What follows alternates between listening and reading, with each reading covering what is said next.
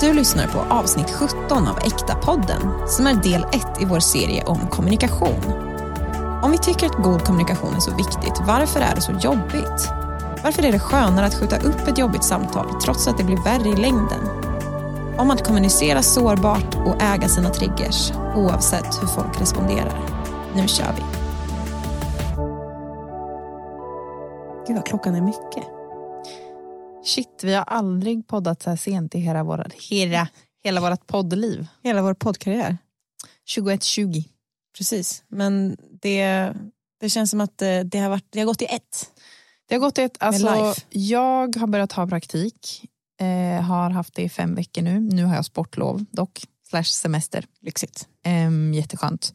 Men alltså, jag förstår inte hur man jobbar heltid. Jag förstår inte hur människor gör, jag förstår inte hur man kan ha familj och barn och ha ett heltidsjobb. Det är ett mysterium för mig. Jag är inte bara sjukt trött, men också bara, det känns som att jag knappt hinner svara på folks meddelanden. Nej, alltså det har varit en helt annan eh, svarsfrekvensrytm ho- från dig. Ja, nej men ja, ja, det känns som att jag ständigt bara catchar upp med livet och det är en lite triggande känsla men eh, det är också super, super, super kul att ha praktik så att det väger ändå över. Men eh, ja, I'm shooked. shooked. Kökt. Själv är jag ändå ganska, eh, ganska så utvilad och det beror på att Levi, min son, han fyllde två år för några veckor sedan och han, vi liksom gav honom i present ett helt eget rum. Åh, Men med eget rum ska sägas. en Det, egen skrubb. det är 100% en skrubb i sann liksom Harry Potter-anda. Ja, men väldigt mysig skrubb. Vi har verkligen mysat till den. Vi har satt in ett dockskåp som jag hade när jag var liten som Petter la liksom, ni vet för många minuter, eh, timmar på att så här, timmar, De gamla minutertimmarna. ni vet, på att sätta in en liksom, ljusslinga som skulle gå in i alla rum så att det fanns ljuskällor i varenda rum på dockhuset. Åh, alltså, varför är det så magiskt med dockhus? Det är någonting med att det är små grejer. Små inte det? människor. Jo, men Alltså att, att det, är en, liksom, det, det ser ut som en soffa som är som en vanlig soffa. i miniatyr. men den är så liten. Ja, ju verkligen. Det är någonting väldigt fascinerande med allting som är mini. Så mini det finns ju sådana filmer på, som cirkulerar på typ Facebook med människor som gör minimat och sånt. Ja, jag, jag tänkte också mini-hamburgare, mini... Ja. Men jag tror att det också är någonting om den här, liksom, för mig påminner det väldigt mycket om förr. En svunnen tid. Ja, verkligen. Det är någonting det är någonting lite så vemodigt. Ska alltid bli så himla vemodig över allting. Men det, är något det var väldigt- bättre för Alva. Ja, verkligen. Det var bättre förr, Alva. Så Mm. känner jag med dockhus. De var Exakt. bättre förr. Idag ska vi prata om ett favvoämne. Alla våra ämnen är ju våra favoritämnen. Alltså. kan Men nu, tilläggas. nu kommer favoritämnet. Det här är det riktiga favoritämnet. Nej, men vi ska faktiskt prata om kommunikation. Ja, kommunikation i relationer. Ja. Jag vet inte hur man skulle kunna kommunicera utanför Ja, relationer. men jag tänker så här, marknadsföring och kommunikation. Just det. vad kul, vad otippat om det skulle vara det vi slänger in i podden. Nej, vi ska prata om grafisk design. Det blir liksom ett litet extra avsnitt om hur du marknadsför din podcast. Exakt. Nej, men eh, varför ska vi prata om kommunikation i relationer? Nej, men med risk för att vara otroligt eh, ooriginella så vill ju vi hävda att kommunikation är A och O i relationsbygge eller byggande. Snyggt. ja. Nej, men det känns verkligen så här att så många problem i relationer hade kunnat undvikas om det bara fanns en bättre kommunikation på Ja. plats. Det är verkligen sant. Det känns som att ofta när jag tittar på till exempel Gift i första ögonkastet eller ja, Bonde söker fru eller sådana där program så känns Klassiska. ja, de som alltid eh, pratas om här i Jäktarpodden. Nej men relationsprogram. Så ser man ju, jag tycker ofta att man ser det, bara åh nej den där menade egentligen det där, men den där hörde det där och nu så är det en, Verkligen. en konflikt fast det hade verkligen inte behövt vara det. Ja. Ja, ett sidospår är att jag alltid känner när jag tittar på de där serierna, speciellt Gift i första ögonkastet när de har en psykolog som de får gå till, att bara, varför, är, varför är psykologen så dålig? varför får de inte liksom hjälp med de här basic grejerna? Så sätter jag, så sätter jag mig på höga hästar Japp. och rider iväg. Exakt. Nu ska vi eh, på våra höga, höga hästar rida iväg. ja, eh, nej men så här. Eh, vi alla människor har ju eh, både fallit offer för och varit eh, skyldiga till dålig kommunikation. Och vi tänker att det finns två generella diken som man kan falla in i när det gäller dålig, kommunika dålig kommunikation. Som vanligt. Som vanligt, klassiska dikena. Vad är det första? Eh, men första diket det är att inte kommunicera alls. Alltså att man trycker ner sina känslor eh, tills det till slut pyser över. Eh, eller att man kanske drar sig undan och låter relationer rinna ut i sanden. Att man ghostar då till exempel när det kommer till dating eller vänskapsrelationer eh, och så vidare. Alltså ja, att man helt enkelt inte kommunicerar. Så det är en typ av, det, är ju icke-kommunikation fast som blir kommunikation. Ja, det blir en passiv kommunikation. Exakt. För man vill ju kommunicera någonting och man, vad ska man säga, man eh, får ju ändå fram sitt message. Ja, verkligen. Den andra är att, att man kommunicerar fast man gör det på ett dåligt sätt, ett mindre bra sätt. Att det, är, eh, det kan vara att det man pratar aggressivt, man skuldbelägger, men det kan också vara att det är otydligt, att man skickar mixade signaler och så vidare. Och det känns ju som att de här två dikena känner vi nog alla igen oss i på ett eller annat sätt. Och de flesta skulle nog hålla med om att ja, men det är ju bättre med någon typ av god kommunikation. Så vi vill idag gärna prata om varför är det så jobbigt att ha de här samtalen trots att vi i teorin gärna vill ha dem. Och så ska vi prata om vad det finns för verktyg då eh, för att lära sig ha de här konversationerna. Och då kan vi egentligen börja där, om det nu är så att alla vill ha bra kommunikation, vilket vi tror. Varför, ha, varför har vi inte det? Det är väl bara att säga vad man menar. Alltså, det känns ju som att det är typ något av det läskigaste man kan göra. Att gå in i att ha en svår konversation. När man ska ta upp någonting som man tycker är jobbigt. Kanske något man har blivit ledsen för. Något man skulle vilja ändra på. Eller också uh, när en and, om en annan person då tar upp någonting som man själv har gjort. Eller blivit sårad av. Som den blivit sårad av. Det, alltså, det är så det är så otroligt obehagligt. Ja, det är verkligen det. Det är verkligen när någon kommer med den, jag skulle behöva prata om någonting, mm. eller bara looken av att man vet att det ska komma upp någonting och man vet inte vad det är. Det är verkligen någonting man så här värjar sig för. Och också när man själv laddar upp och liksom tänker, ja men ikväll ska jag ha det här samtalet, ikväll ska jag ringa, eller uh, det är ja, verkligen fruktansvärt. Och det känns ju som att vi alla får väl upp olika exempel i huvudet med på jobbiga konversationer vi har varit i. Så det, kan, det finns en risk att vi är övertydliga nu. Men vi skulle vilja komma med lite olika exempel på typer av tuffa konversationer. Ja, dels så kan det vara konfronterande konversationer. Alltså att man tar upp någonting som en annan person har gjort som har påverkat den på ett negativt sätt. Som man också skulle önska att det blev en ändring på. Um, har du något exempel på en konfronterande um, kommunikation? Ja, det här är ju eh, kanske ett löjligt exempel men det är ändå verkligt. um, min man spelar gitarr och han har många gitarrer. Många. Många, många, många. många. Jag vet faktiskt inte hur många. Eh, och de flesta av dem står liksom framme i vårt eh, arbetsrum. De har olika eh, hängare och stativ och sånt där. Men det är ofta så att han eh, spelar på dem eh, om dagarna eh, och då lägger han dem ofta på, kanske inte deras eh, givna plats, utan kanske lägger dem eh, ja, men i fåtöljen eller på stolen och sådär. Och för mig blir det ofta så att när jag kanske ska sätta mig i arbetsrummet och jobba den dagen eh, så måste jag först börja med att flytta gitarrerna. Och eh, det här är en sån grej som jag har tagit upp att jag vet att du älskar att spela gitarr, jag älskar också att du spelar gitarr men eh, det blir svårt för mig när du lägger dina gitarrer på det här sättet. Skulle du kunna eh, se till att när du har spelat på dem kan du hänga dem där de ska vara för att det, eh, det påverkar mig när jag, ska, när jag ska börja jobba. Just det. Så det är Ett litet exempel. Bra exempel. Och det är det som är grejen. Jag tänker när man hör konfrontation, mm. det kan låta väldigt stort och väldigt aggressivt men det där är ju ett ganska vardagligt exempel som nog väldigt många kan känna igen sig i. Kanske inte att man har 50 gitarrer hemma men, ja, men eh, som själva idén av ja. situation. Okay. Men, eh, ja, vad, är nästa, vad är nästa sätt man kan eh, kommunicera? Ja, det är att uttrycka behov. Um, alltså, typ jag skulle vilja ha hjälp med det här eller det här är viktigt för mig eller jag känner mig uppskattad när du gör så här. Mm.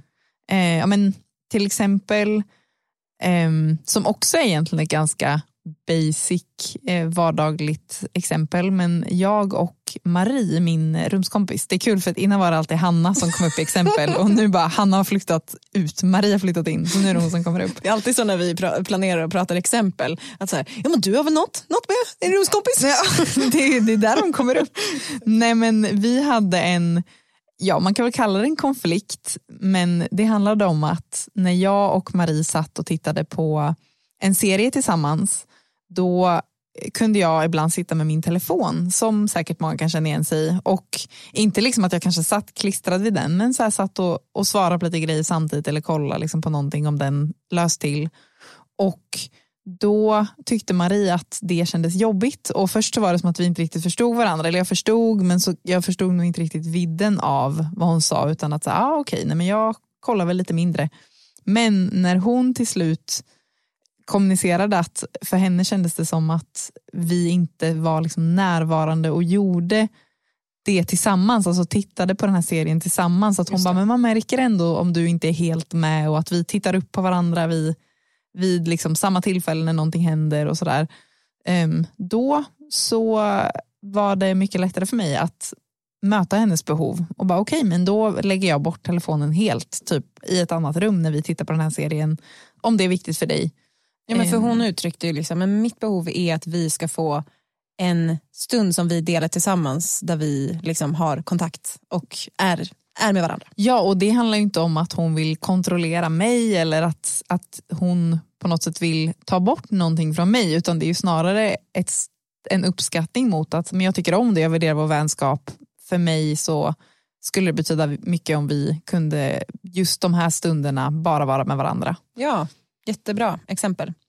Den sista typen av, eh, det finns ju säkert hur många som helst, men eh, den sista som vi har valt, typen av att kommunicera, är att eh, ge jobbiga besked som man anar kommer väcka någon typ av känslor i den andra personen.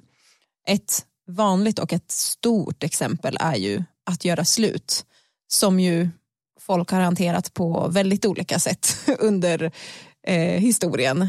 För att det är ju verkligen någonting som känns eh, otroligt jobbigt att komma med. Det beskedet, det är en, en jobbig typ av kommunikation. Verkligen. Och eh, ett annat, kanske lite mindre dramatiskt exempel är ju, som jag också, åh vad jag har varit med om det här, att man har bestämt att man ska träffa en kompis men så inser man i, i sista stund att nej, det kommer inte gå, jag kommer inte orka eller jag kommer inte hinna. Och då måste man på något sätt berätta för den att jag kommer tyvärr inte hinna eller kanske jag kommer inte kunna komma på din fest för att punkt, punkt, punkt. Nej, åh, jag känner verkligen den, hur jobbigt det är att ha de där samtalen som man bara måste ha. Blä. Men varför tycker vi då att det är så läskigt att ha de här samtalen? Alltså som vi sa, att det bara, åh, det kan krypa i kroppen när man bara tänker på att ha de här konversationerna, man vill liksom fly och man önskar att man inte skulle behöva göra det. Man gör liksom massa konstiga saker för att slippa det. Det är på ett sätt irrationellt när det är någonting som säger men vi tycker väl att det är bra att ha det här. Men det är för att vi tror att skälet till att det är så jobbigt är att det grundar sig i rädsla. Men rädsla för vad då? Vad är man rädd för? Jo men som alltid så eh, når det ju de här rädslan, de här djupa rädslorna. Alltså inte så här, jag är rädd för spindlar, utan de här, eh, de här riktigt djupa rädslorna. Till, ja. exempel, till exempel eh, jag är rädd för att du ska avvisa mig när jag tar upp det här. Jag är rädd för att din bild av mig ska förändras och att jag kan inte ehm, jag kommer inte kunna liksom, kontrollera vad du har för bild av mig. Jag är rädd att bli missförstådd. Ehm, jag är rädd för hur du ska reagera, eh, att, att du ska bli arg. Jag, och det här, jag är rädd för att trigga någon annan, alltså att, att någon annan ska känna negativa känslor kring det som vi tar upp. Ja, det kokar verkligen ner till att vi är rädda för att kärlek ska tas bort från oss. Alltså att genom att ha den här konversationen så kommer vi på något sätt placera oss längre ifrån att vara accepterade, älskade, inkluderade och värdesatta av den andra personen. Och då förstår man att man helst undviker det. Verkligen, det blir väldigt höga spel. Om jag har den här konversationen så kommer jag inte längre få kärlek. Uh, tufft. Du sa ju att en av de här grejerna som vi kan vara rädda för är att någon annan ska bli triggad av det som vi eh, säger. Ja. Ska vi gå in lite mer på det? Det låter lite abstrakt. Ja, för den här tycker jag det är en av mina jobbigaste. Varför? Det är ett, ett av de största skälen till varför jag tycker det är jobbigt att ha sådana här konversationer. Och Det handlar alltså om att man inte vill väcka negativa känslor i den andra. Och på ett sätt så kan det på ytan se ut som att det är någonting fint eller kanske omtänksamt. Att men jag vill inte att Alva ska bli ledsen eller jag vill inte att hon ska bli stressad. Men ofta så är motivationen bakom att man liksom väljer att inte ha den svåra konversationen är oftast inte för den andra skull. Nej, man gömmer sig egentligen lite bakom det. Ja. Men vi tänker att det finns egentligen två skäl till varför man inte vill trigga andra i tuffa konversationer. Och Det är nummer ett, att vi kanske har svårt att hantera våra egna negativa känslor. Alltså negativa känslor, då menar jag ledsenhet eller ilska. Och så trycker man helst ner dem i sig själv och då är det väldigt svårt att möta det i andra. Och då så undviker vi helst att behöva se de känslorna hos andra för att det blir liksom jobbigt. Ja, det blir för jobbigt att möta det som vi har svårt att möta i oss själva är otroligt svårt att möta i andra. Ja, det går nästan inte. Nej. Och det andra skälet är någon slags föreställning om att när den andra personen känner mycket känslor, då kommer den personen då inte kunna möta mig i det som jag känner och då kommer jag bli lämnad helt ensam med mina behov. Mm, just det. Um, det här, alltså, precis som du sa så känner jag att det här är någonting som jag känner igen mig väldigt mycket i den här rädslan att trigga andra. Ja. Till exempel så, så har jag eh, haft väldigt mycket så med min pappa att jag har varit rädd för att säga saker till honom eller kanske vägt mina ord eller valt att inte säga grejer för att jag har försökt undvika att säga saker som ska trigga honom. Och det har ju liksom varit för att idén är ju då att okej okay, men om han blir triggad då kommer inte han kunna ge mig det som jag behöver av en pappa eller som jag längtar efter. Han kommer gå i försvar, han kommer inte ha kapacitet. Exakt, och då är det som att men om jag gör mig så liten som möjligt och försöker vara så smidig som möjligt, då är det kanske lite lättare att älska mig och lättare för honom att vara min pappa. Mm. Men grejen är ju att grundpremissen är ju att jag känner ju så här för att han inte riktigt ger mig det jag behöver. Och oavsett då hur, jag, hur mycket jag försöker att inte trigga honom eh, så kommer ju han ehm, han kommer ju fortsätta ha den lilla kapaciteten. Ja, exakt. Det förändras ju inte bara för att jag gör mig själv mindre, utan det som händer är ju snarare att då överger jag mig själv genom att inte eh, kommunicera vad jag behöver och köra över liksom mina känslor på något sätt och mina gränser kanske. Så att eh, jag fick inte det jag behövde innan från honom men jag kanske i alla fall kan få det av mig själv i form av någon slags självrespekt men då blir det som att man man trippar på tå och så överger man sig själv för att man ska få det man behöver fast det har man inte fått och kommer inte få ändå.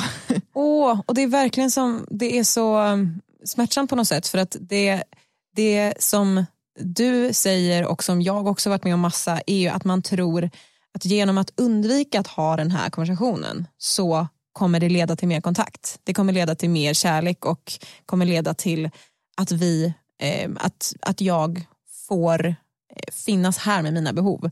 Men det leder oftast bara till motsatsen. Man kommer oftast bara längre ifrån varandra om man undviker det där eh, undviker det där tuffa ämnet för att man inte vill trigga någon. Ja, verkligen. Och det här är inte samma sak som att vi av princip ska gå runt och trigga varandra medvetet. att bara, Nu ska vi se, vad tycker hon är jobbigt? ja men verkligen, nu ska vi trycka till lite extra här för det är ju inte mitt ansvar att inte Precis. trigga folk. Utan vi, det här har vi pratat om innan att om man har nära vänner och man vet att det finns saker som triggar dem, då är det klart att man kan, för att man är kärleksfull och älskar dem, bara tänka på de grejerna. Ehm, men i det här fallet så pratar vi om när man undviker konversationer som egentligen är viktiga att ha för att man är rädd att trigga någon. När man då inte har de här svåra samtalen av, en, av ett eller annat skäl så precis som vi sa så leder det ju ofta till att man gör det värre för sig själv i längden. Det är som att man gör någonting som i stunden känns bra. Det tar bort obehaget precis just då men det är som att det snurrar till det för en framöver. Som att det här är en Åh, vilken klassisk grej det är för mig att säga. Man vet att liksom, man är sen till ett ja, möte eller man ska träffa någon. Och så säger man liksom, man tar, man tar i, i underkant med hur mycket man är sen.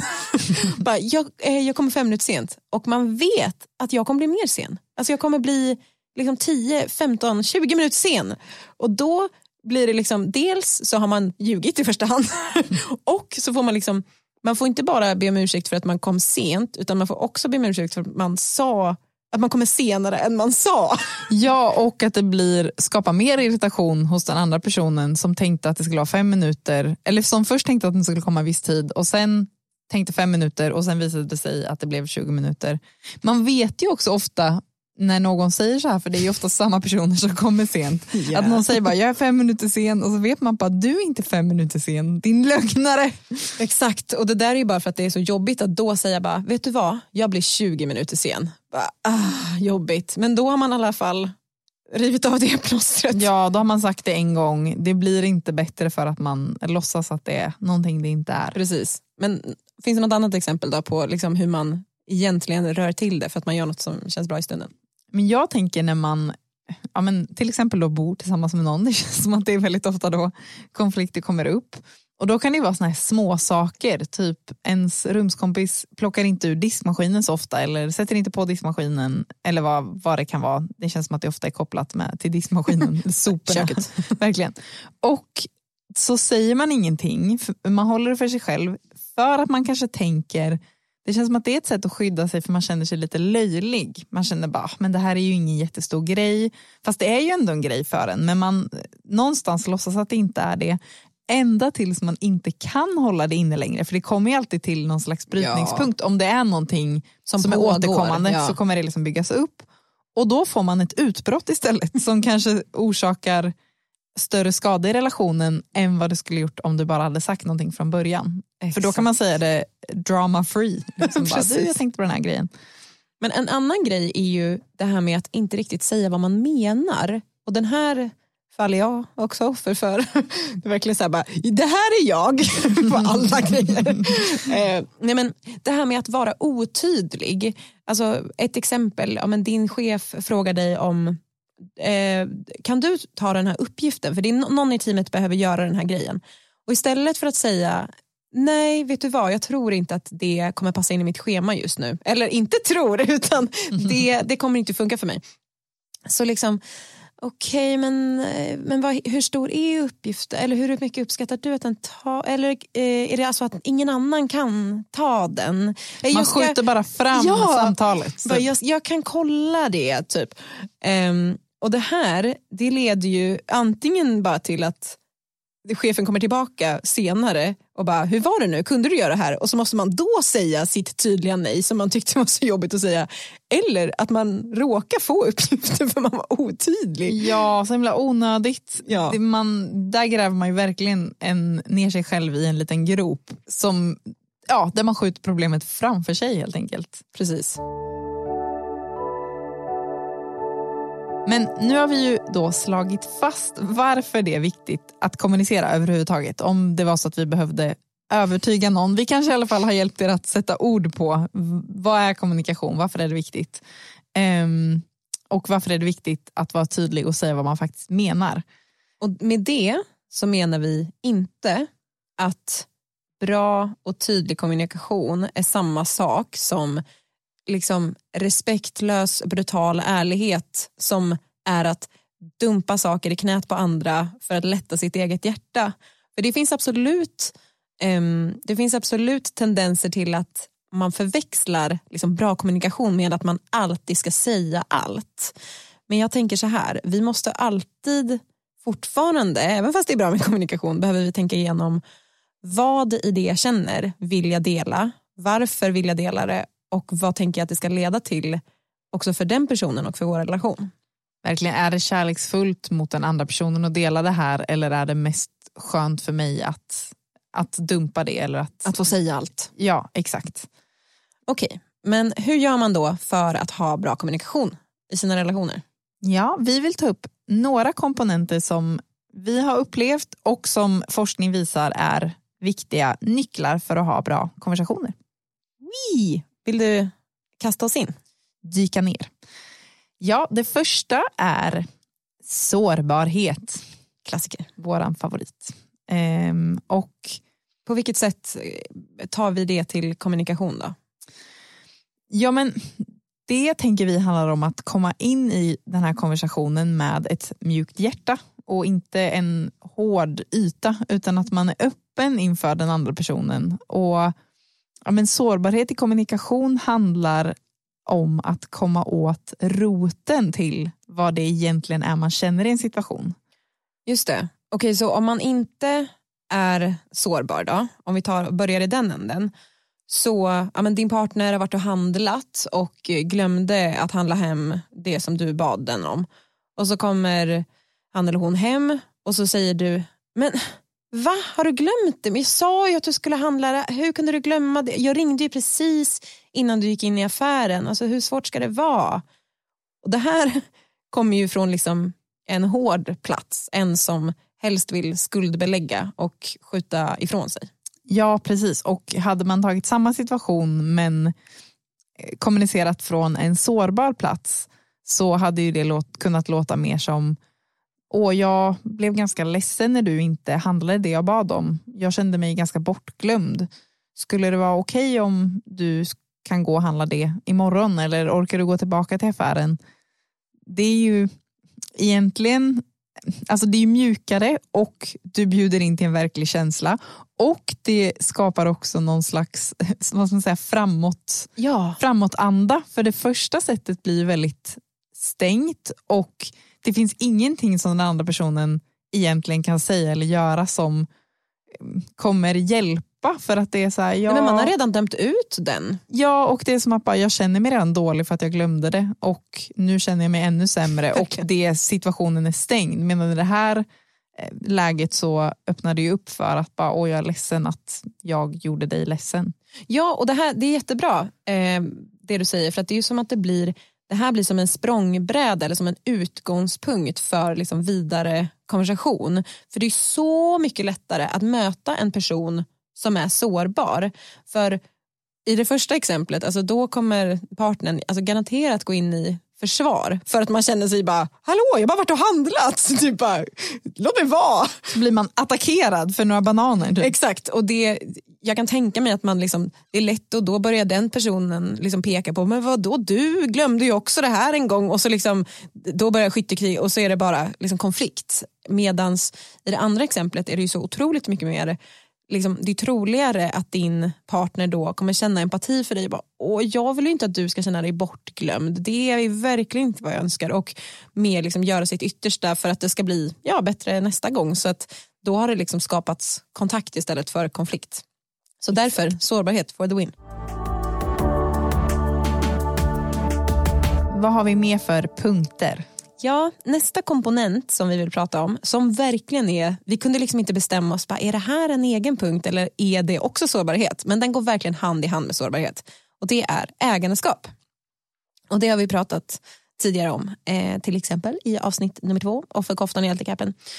Men i korthet är ju ägandeskap att äga sin del, att i alla situationer i livet så finns det alltid någonting som vi ansvarar för och någonting som vi kan råda över helt enkelt.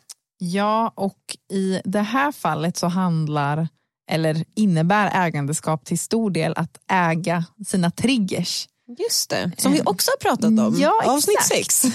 Trig, trigger, trigga, triggas. Eh, Så det kan ni lyssna på. Men vad Eh. betyder det då? Det att äga sina triggers i kommunikation? Ja men eh, det, som du precis sa så finns det alltid någonting man kan äga i varje situation och vi tror att vi alla har sår som påverkar hur vi lever våra liv och som i allra högsta grad påverkar våra relationer. Alltså negativa mönster, återkommande känslor. Och det är lätt när man hamnar i en konflikt och tänka att nej men det här handlar inte om mig, det här handlar om den andra personen. Det är den som behöver ändra på sig, det är den som har gjort fel. Och det kan kännas väldigt verkligt men, ja, men det kan kännas som att det mesta skulle lösa sig om den andra personen bara fattat den gör fel. Men du har förmodligen också agerat utifrån dina triggers, alltså de här destruktiva beteendemönstren.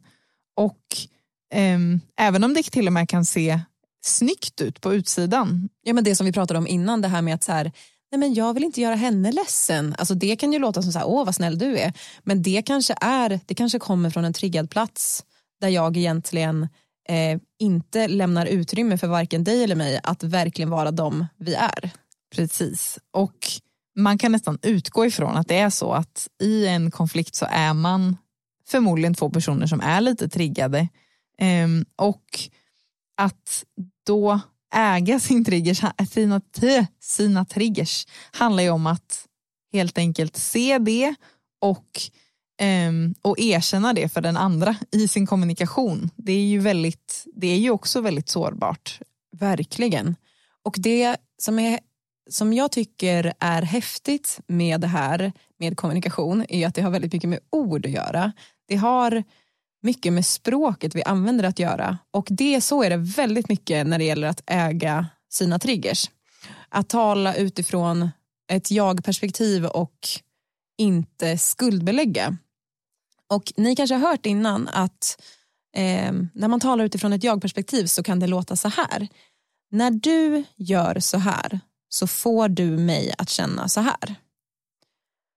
Och jag hörde det eh, i, eller jag läste det i en bok för många år sedan eh, och jag tyckte det lät så bra. Åh, det låter ju som sårbarhet för jag säger någonting som jag känner. Men man lägger över allt ansvar och ägandeskap på den andra för man säger det är du som skapar det här i mig. Du säger att den andra personen råder över någonting som den egentligen inte har makt över, nämligen ditt känsloliv. Och det, absolut är det ju så att vi får lov att känna saker och det kommer vi göra i relationer och saker som andra gör kommer väcka känslor i en, det är inte det. Men skillnaden är att andra kan inte skapa en ny känsla i dig och de kan heller inte ta bort en känsla i dig. Så det är inte någonting som de råder över.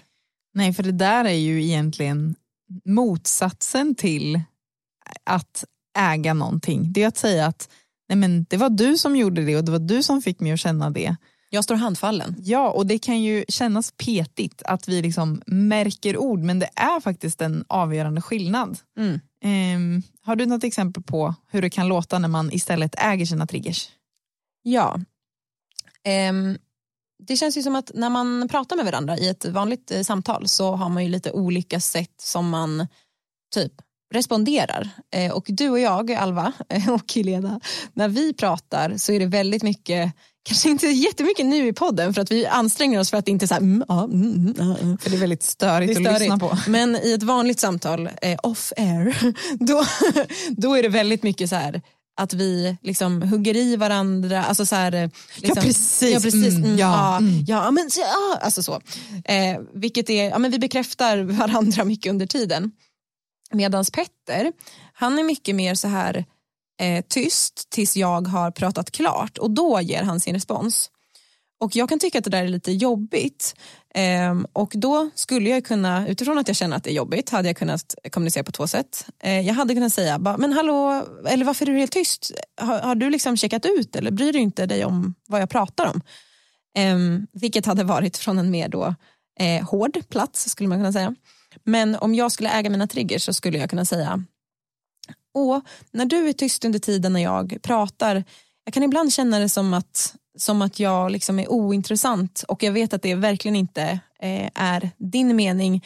Men det väcks känslor av att jag ja, men liksom måste jobba för att liksom uppnå någon typ av acceptans eller eh, gillande. Och det var mycket så här med min pappa när jag var liten att jag hela tiden försökte leta efter det som han tyckte var intressant att prata om så att, ja, det påminner lite om det.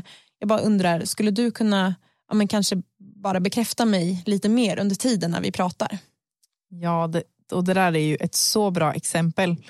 Och vi pratade lite förut om att ibland kanske man har relationer som inte är lika nära som det här är din man och det är rimligt att du öppnar upp till en sån sårbar plats och berättar eh, liksom vad den triggen handlar om. Men, men har du något exempel på hur det kan vara då när man ska kommunicera sårbart i en relation som inte är lika nära. Ja, exakt, för det kan kännas svårt. Att så här, hur är man ärlig i en sån relation? Men jag, eh, jag hade faktiskt eh, ett samtal med min chef häromdagen där det ju då är absolut en mer formell relation. Då. Eh, och då var det så att situationen var att jag hade fått eh, ganska otydlig information kring en grej och det hade gjort mig eh, ganska stressad. Och jag hade blivit ja, men, triggad över det. Och så pratade vi och eh, då så sa jag, eh, när jag fick eh, otydlig information kring det här så kände jag mig rädd över att jag skulle behöva bära det här projektet ensam. Ehm, jag kände mig, jag kände mig otrygg för att jag inte visste om, eh, om jag skulle behöva stå själv i det här. Och det, jag skulle ju kunna gå in på, eh, om det hade varit en närmare relation, så hade jag kunnat gå in på, liksom, ja, men jag har alltid eh, känt väldigt mycket ja, men, självtillräcklighet, att jag ska klara mig själv för att jag har inte kunnat lita, eller jag har upplevt att jag inte kan lita på folk, att de ska finnas där för mig och det kommer från det här och det här. Men det kanske jag inte säger till min chef. Det hade nästan varit lite gränslöst att säga det till ja. en sån person. Ja, men det jag ändå gjorde var ju att jag ägde ju ändå den triggade känslan och tog ansvar för den istället för att lägga över på att liksom, du gjorde så att jag kände mig så här. Alltså visst låter det så otroligt mycket mer avväpnande att använda ett sånt här språk. Mm som mottagare så är man så mycket mer benägen att ta emot någon som säger så här istället för att skuldbelägga. Och det är ju för att det faktiskt är sårbart att äga sina triggers. Ja. Det kräver att man säger jag är brusten och jag visar det för dig nu. Ja. Och det som vi har pratat om tusen gånger men som är lika viktigt nu som någonsin, det är att sårbarhet öppnar alltid upp för mer empati och mer kontakt än stängdhet och hårdhet gör. Och det är det vi vill åt med bra kommunikation. Men om jag nu har gjort så gott jag kunnat, jag har försökt kommunicera sårbart, jag har försökt äga min egen skit. Innebär det att jag alltid kommer bli mött då på det sätt som jag önskar? Ja, det här säger vi ju i princip i alla avsnitt, men nej tyvärr. vi kan aldrig kontrollera andras reaktioner. Och även om vi gör precis allt som står i vår makt för att kommunicera på ett bra sätt så kan det ändå sluta med att personen går i försvar, att ni inte förstår varandra, att det sägs taskiga ord, att det blir en tuff konflikt. Ja, verkligen. Och det, är så, det kan göra så himla ont när man verkligen har gjort allt. Alltså det känner jag verkligen, när man känner bara, fast jag gjorde verkligen det jag kunde. Och det det vi vill säga med det är att trots att det gör ont och att personer inte möter dig som du vill så betyder inte det att det var dåligt att du delade eller dåligt att du tog upp samtalet. Att du vågade göra det, det står liksom okränkbart kvar, eller vad man ska säga. Att du var modig nog att ta upp det här och att du ändå lyckades på något sätt äga din del och vara mjuk, det kommer alltid vara en seger oavsett om den andra ger neg negativ respons eller inte. Ja, för frågan i slutet av dagen är ju ändå vem vill jag vara som person? Vilken typ av liv vill jag leva? I vilken riktning vill jag att det ska gå? Och i slutändan så gör vi förhoppningsvis inte det vi gör för att vi vill åt en specifik reaktion utan för att vi vill vara en viss typ av person. Oavsett vad vi får för reaktion. Ja, och det är så skönt då, för då gör det att hur andra responderar, det blir inte, det står inte och faller med det. Det blir inte lika avgörande och inte lika high stakes för att du har redan ägt dig själv. Du har redan respekterat dig själv. Ja. Idag så har ju vi pratat mycket om att vara den som initierar samtal och tuffa konversationer. Men precis som vi ja, pratade om så är ju kommunikation inte en solo-show utan det finns ju alltid en mottagare, alltså den andra parten i samtalet. Och det här är en serie, så del två kommer handla om hur man kan agera som mottagare i de här konversationerna. Så Det kommer vi prata om nästa avsnitt. Ja, och tills dess så vill vi bara säga heja alla er som har tuffa konversationer. Ja. Vi vet att det känns väldigt jobbigt innan man har dem och kanske under tiden. Men obehaget släpper ändå och det blir verkligen en god frukt av det i slutändan. Det är vi övertygade om. Ja, att ha de här konversationerna för oss mer än eh, ofta närmare varandra snarare än längre ifrån varandra och det är därför vi har dem. Ja, så ut och ha jobbiga samtal och var sårbara och var snälla mot er själva. Exakt. Hej då. Farväl.